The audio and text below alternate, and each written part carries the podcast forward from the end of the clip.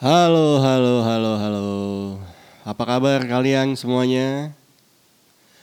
Kembali dalam podcast Freedom of Speech bersama gue Piripo. Ya, apa kabar kalian semua? Ah, gue mau ngucapin selamat Sinja dan selamat ulang tahun radio sedunia buat kalian para penyiar radio atau podcaster, ya podcaster. Jadilah penyiar yang budiman. Kali ini gue mau ngomongin yang lagi banyak di upload di YouTube paranormal experience. gue juga nggak ngerti kenapa tiba-tiba banyak seperti itu di media itu. Kalau gue boleh cerita, ikut menceritakan, ikut membagi paranormal experience gue, pengalaman-pengalaman mistik. Karena Indonesia itu nggak mungkin lepas dari hal-hal yang berbau klinik atau mistis atau mistik atau bistik. Jadi waktu gue masih kecil, kira-kira umur gue itu atau gue kelas 2 SD atau 3 SD lah zaman dulu itu kan seperti yang kalian tahu ya kalau kalian yang lahir tahun 80-an ke bawah, 80-an ya 79, 78. zaman dulu itu kan eh, belum ada zaman dulu itu belum ada yang namanya tol untuk ke bandara, jalan tol ke bandara. Karena lo pasti harus datang itu ke daerah Jelambar. Nah, ketika jembatan lima ke sana lah. Nah, ketika itu oh, uh, gue sama bokap gue jemput nyokap gue ke bandara. Berangkatnya sih gak ada masalah sampai akhirnya gue sampai di bandara terus ketemu sama nyokap gue akhirnya kita pulang lewat jalur yang sama jalan Jelambar sana itu kalau dalam kota Jelambar jembatan 5 pada saat itu gue itu duduk di jok belakang di mobil mobil bokap gue dulu Kijang Kijang Rover atau Suzuki Saik uh, Vitara, Suzuki Escudo kalau salah. Iya, Escudo, Escudo. Pas mendekati jembatan 5, itu tiba-tiba gue ngucap, Mah, sebentar lagi kita tabrakan. Sontak, uh, bokap nyokap gue itu kaget dan nggak percaya ngomong kok begitu ngomongnya nggak lama selang bokap nyokap gue kaget jangan jangan ngomong kayak gitu lah kamu masih kecil uh, kok ngomongnya kayak gitu? Tiba-tiba kejadian lah di depan mobil gue itu. Tiga mobil di depan gue itu ngerem gagak. Dan otomatis bokap gue pun ngerem gagak.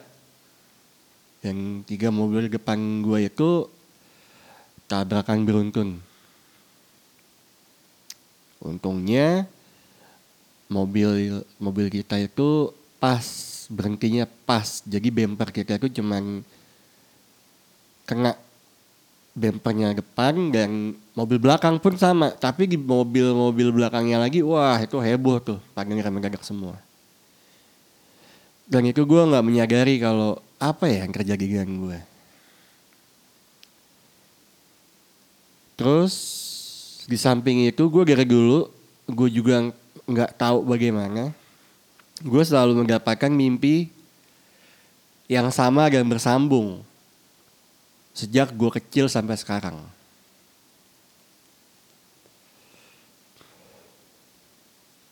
Mungkin untuk pembahasan mimpi uh, gue bahas di podcast selanjutnya aja.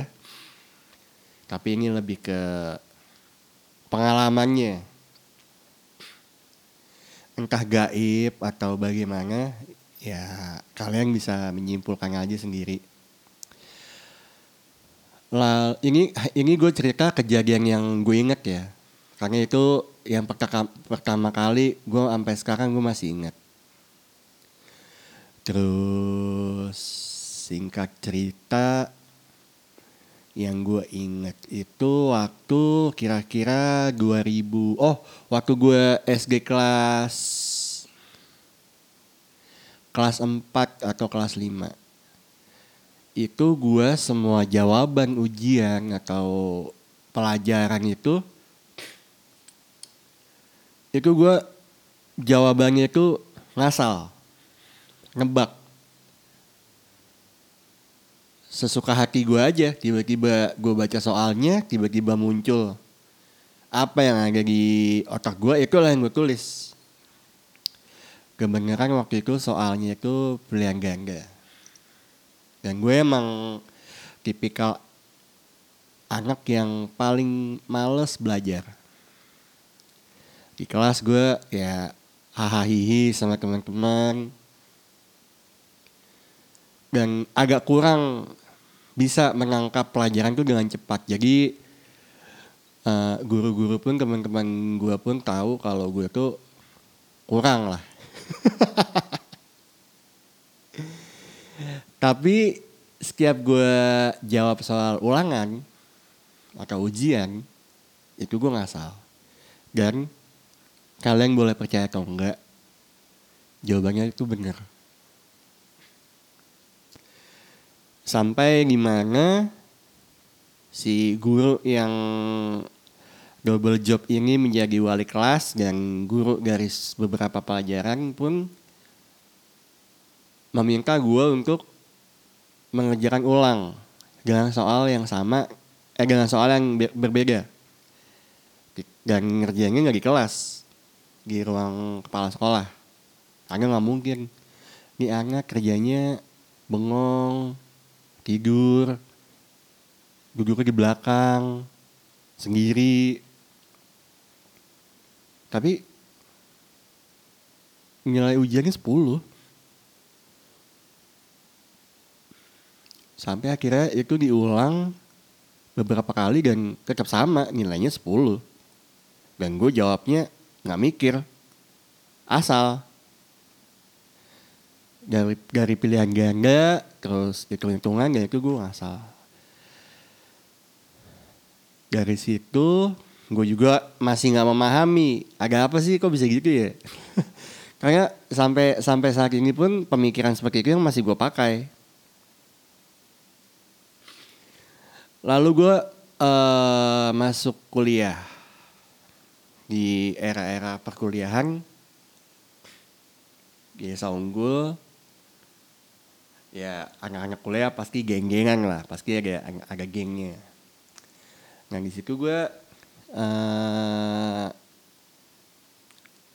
pulang bertiga sama temen gue pulang kampus karena dari kampus ke rumah itu ada beberapa teman-teman gue yang jalurnya sarah jadi kalau mereka full tim itu bisa berlima di mobil jadi kadang-kadang berlima kadang berdua kadang sendiri kadang bertiga nah kebetulan bertiga sama temen gue.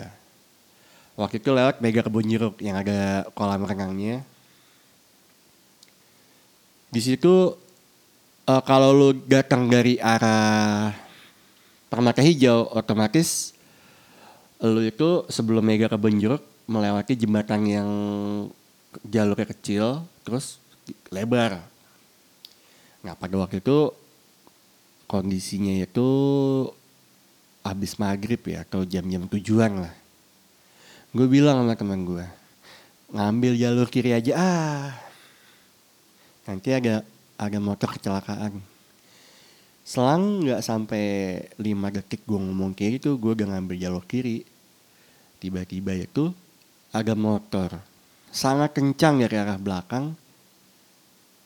Mau nyusul mobil depan gue yang akhirnya kan gue ke kiri jadinya dia serong di depan gue cuma agak serong.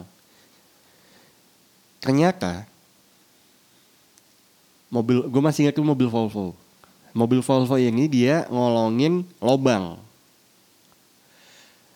Dan kondisi motor itu sangat kencang mau nyalip mobil Volvo itu. Dan ternyata itu lubangnya dalam dan dia kebalik.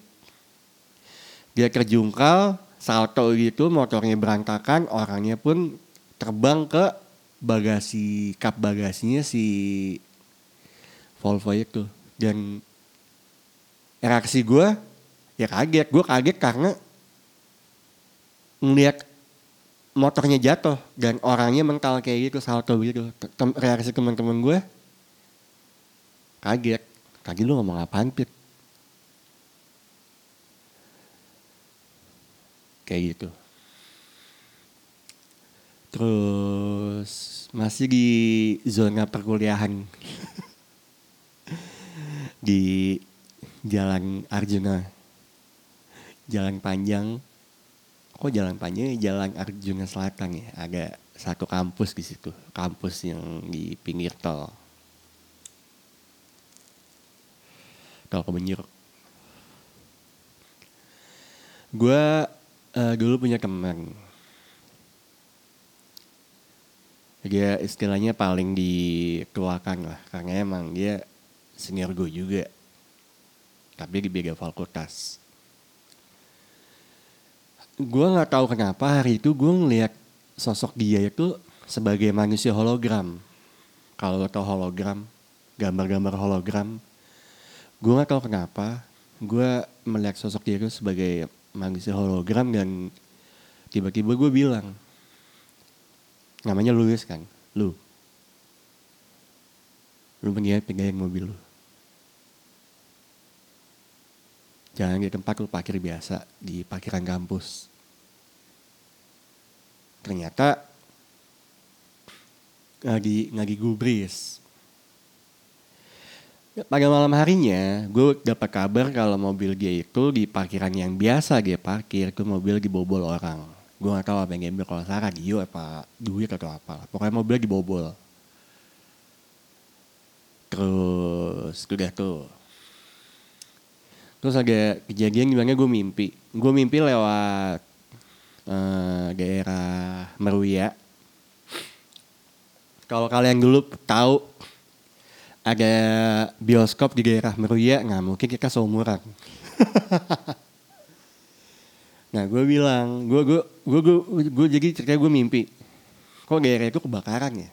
Pokoknya heboh, kebakarannya gila. Semua orang pada ke ke jalan semua dan itu macet. Tapi di mimpi itu gue ngeliat sosok muka-muka temen gue. Dan pada saat gue bangun, gue ngepost di Twitter. Dan itu, gue kalau nggak salah ya, gue bilang kayaknya bakal ada kebakaran nih di kebun di Meruya. Dan gue nggak belum lihat berita gue pagi itu langsung nge kayak gitu. Gue lupa itu tahun berapa itu gue lama banget. Dan ternyata gue sempat bilang sama temen gue yang memang biasa lewat situ. Dan itu ternyata bener men. Kejadiannya kebakaran. Temen gue sampai telat. Ada yang dia lewat jalur lain akhirnya dia nggak telat ke kampus yang satu lagi telat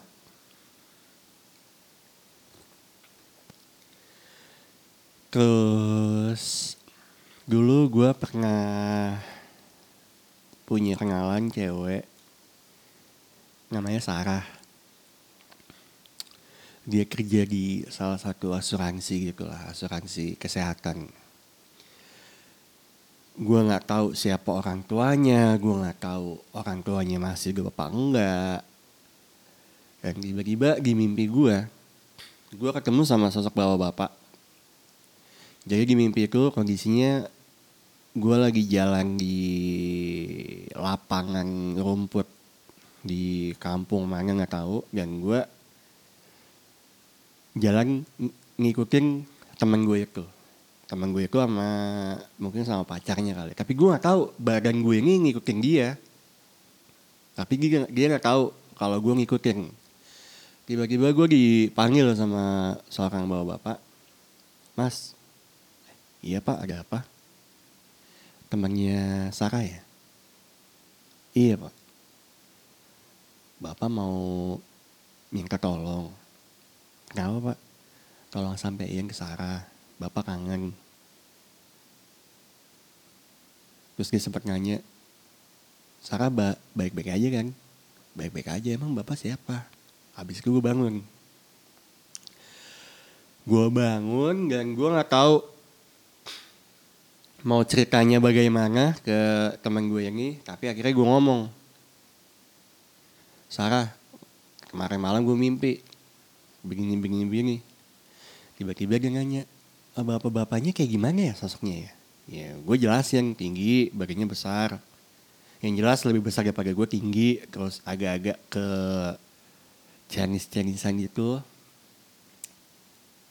Dan rambutnya belah belah samping kiri agak ikal baju kemeja putih lengan pendek celana bahan abu-abu dan pakai sendal bawa pak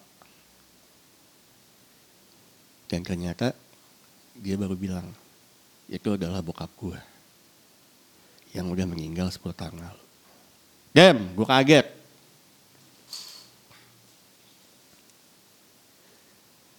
Itu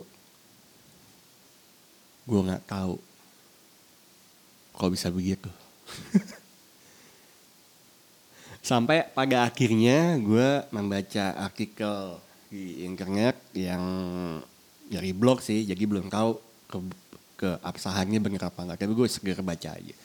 Kalau anda termasuk orang-orang yang mempunyai kayak semacam indigo, tapi gue percaya. Karena yang gue tahu ya indigo itu makanya tiga.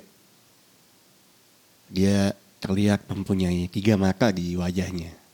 Sedangkan gue nggak ada. Di muka gue ini yang paling jelas terlihat adalah hidung gue yang super gede ini. Teman gue bilang lo habis dipukul ya? Kenapa? Hidung lu bengep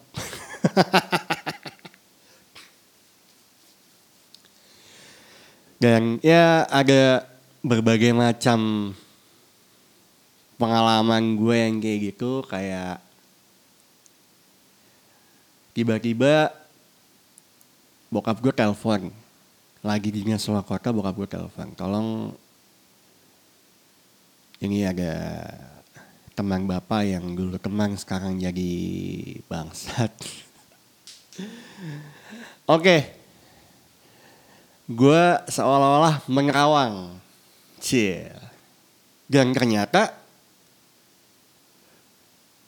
gue kayak tertidur terus gue lihat gue keluar dari badan gue dan gue ke tempat bokap gue dan gue lihat orang ini begini begini begini begini badannya begini ciri-ciri begini kelakuannya kayak gini. Dan tiga jam kemudian bokap gue telepon. Terus gue bilang beh ciri-cirinya orangnya orangnya gemuk buncit. Bapak standar bapak-bapak korupsi modelannya gue bilang gitu. Tip, tip eh, apa? Eh, sifatnya begini begini begini. Tuh hati-hati beh gue bilang gitu. Jahat orang. Suka nusuk orang dari belakang atau bermuka seribu bukan lagi dua seribu mukanya ternyata bener. Pas bokap gue pulang dinas cerita iya itu orang nggak bener tuh kerjanya gini gini gue nggak tahu kemampuan apa yang ada di diri, di diri gue apakah gue cuma sekedar ngarang atau kebetulan atau intuisi gue bagaimana gue sampai sekarang pun nggak tahu. Jadi gue nggak mau dibilang gue itu indigo. Karena gue nggak tahu. Gue belum ketemu dan gue nggak mau ketemu sama orang yang memang bener-bener ahli dalam bidang ini. kecuali secara nggak sengaja.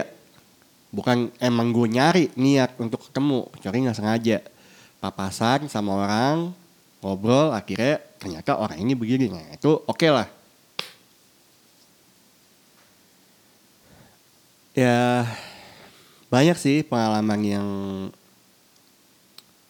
hal-hal yang mungkin kebanyakan orang itu nggak masuk akal atau di luar logika tapi ya itulah yang gue alamin.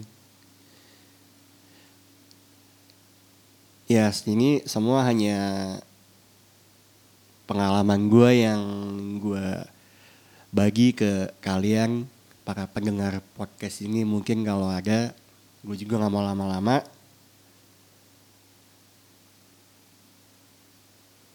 Intinya tetaplah menjadi diri anda sesungguhnya. Jadi lo jadilah diri lo masing-masing lo jangan jadi diri orang jangan ngikutin orang atau jangan meniru idola lo jadilah diri lo sendiri Gua Pidipo, mohon undur. Sampai ketemu di podcast Freedom of Speech selanjutnya. Bye.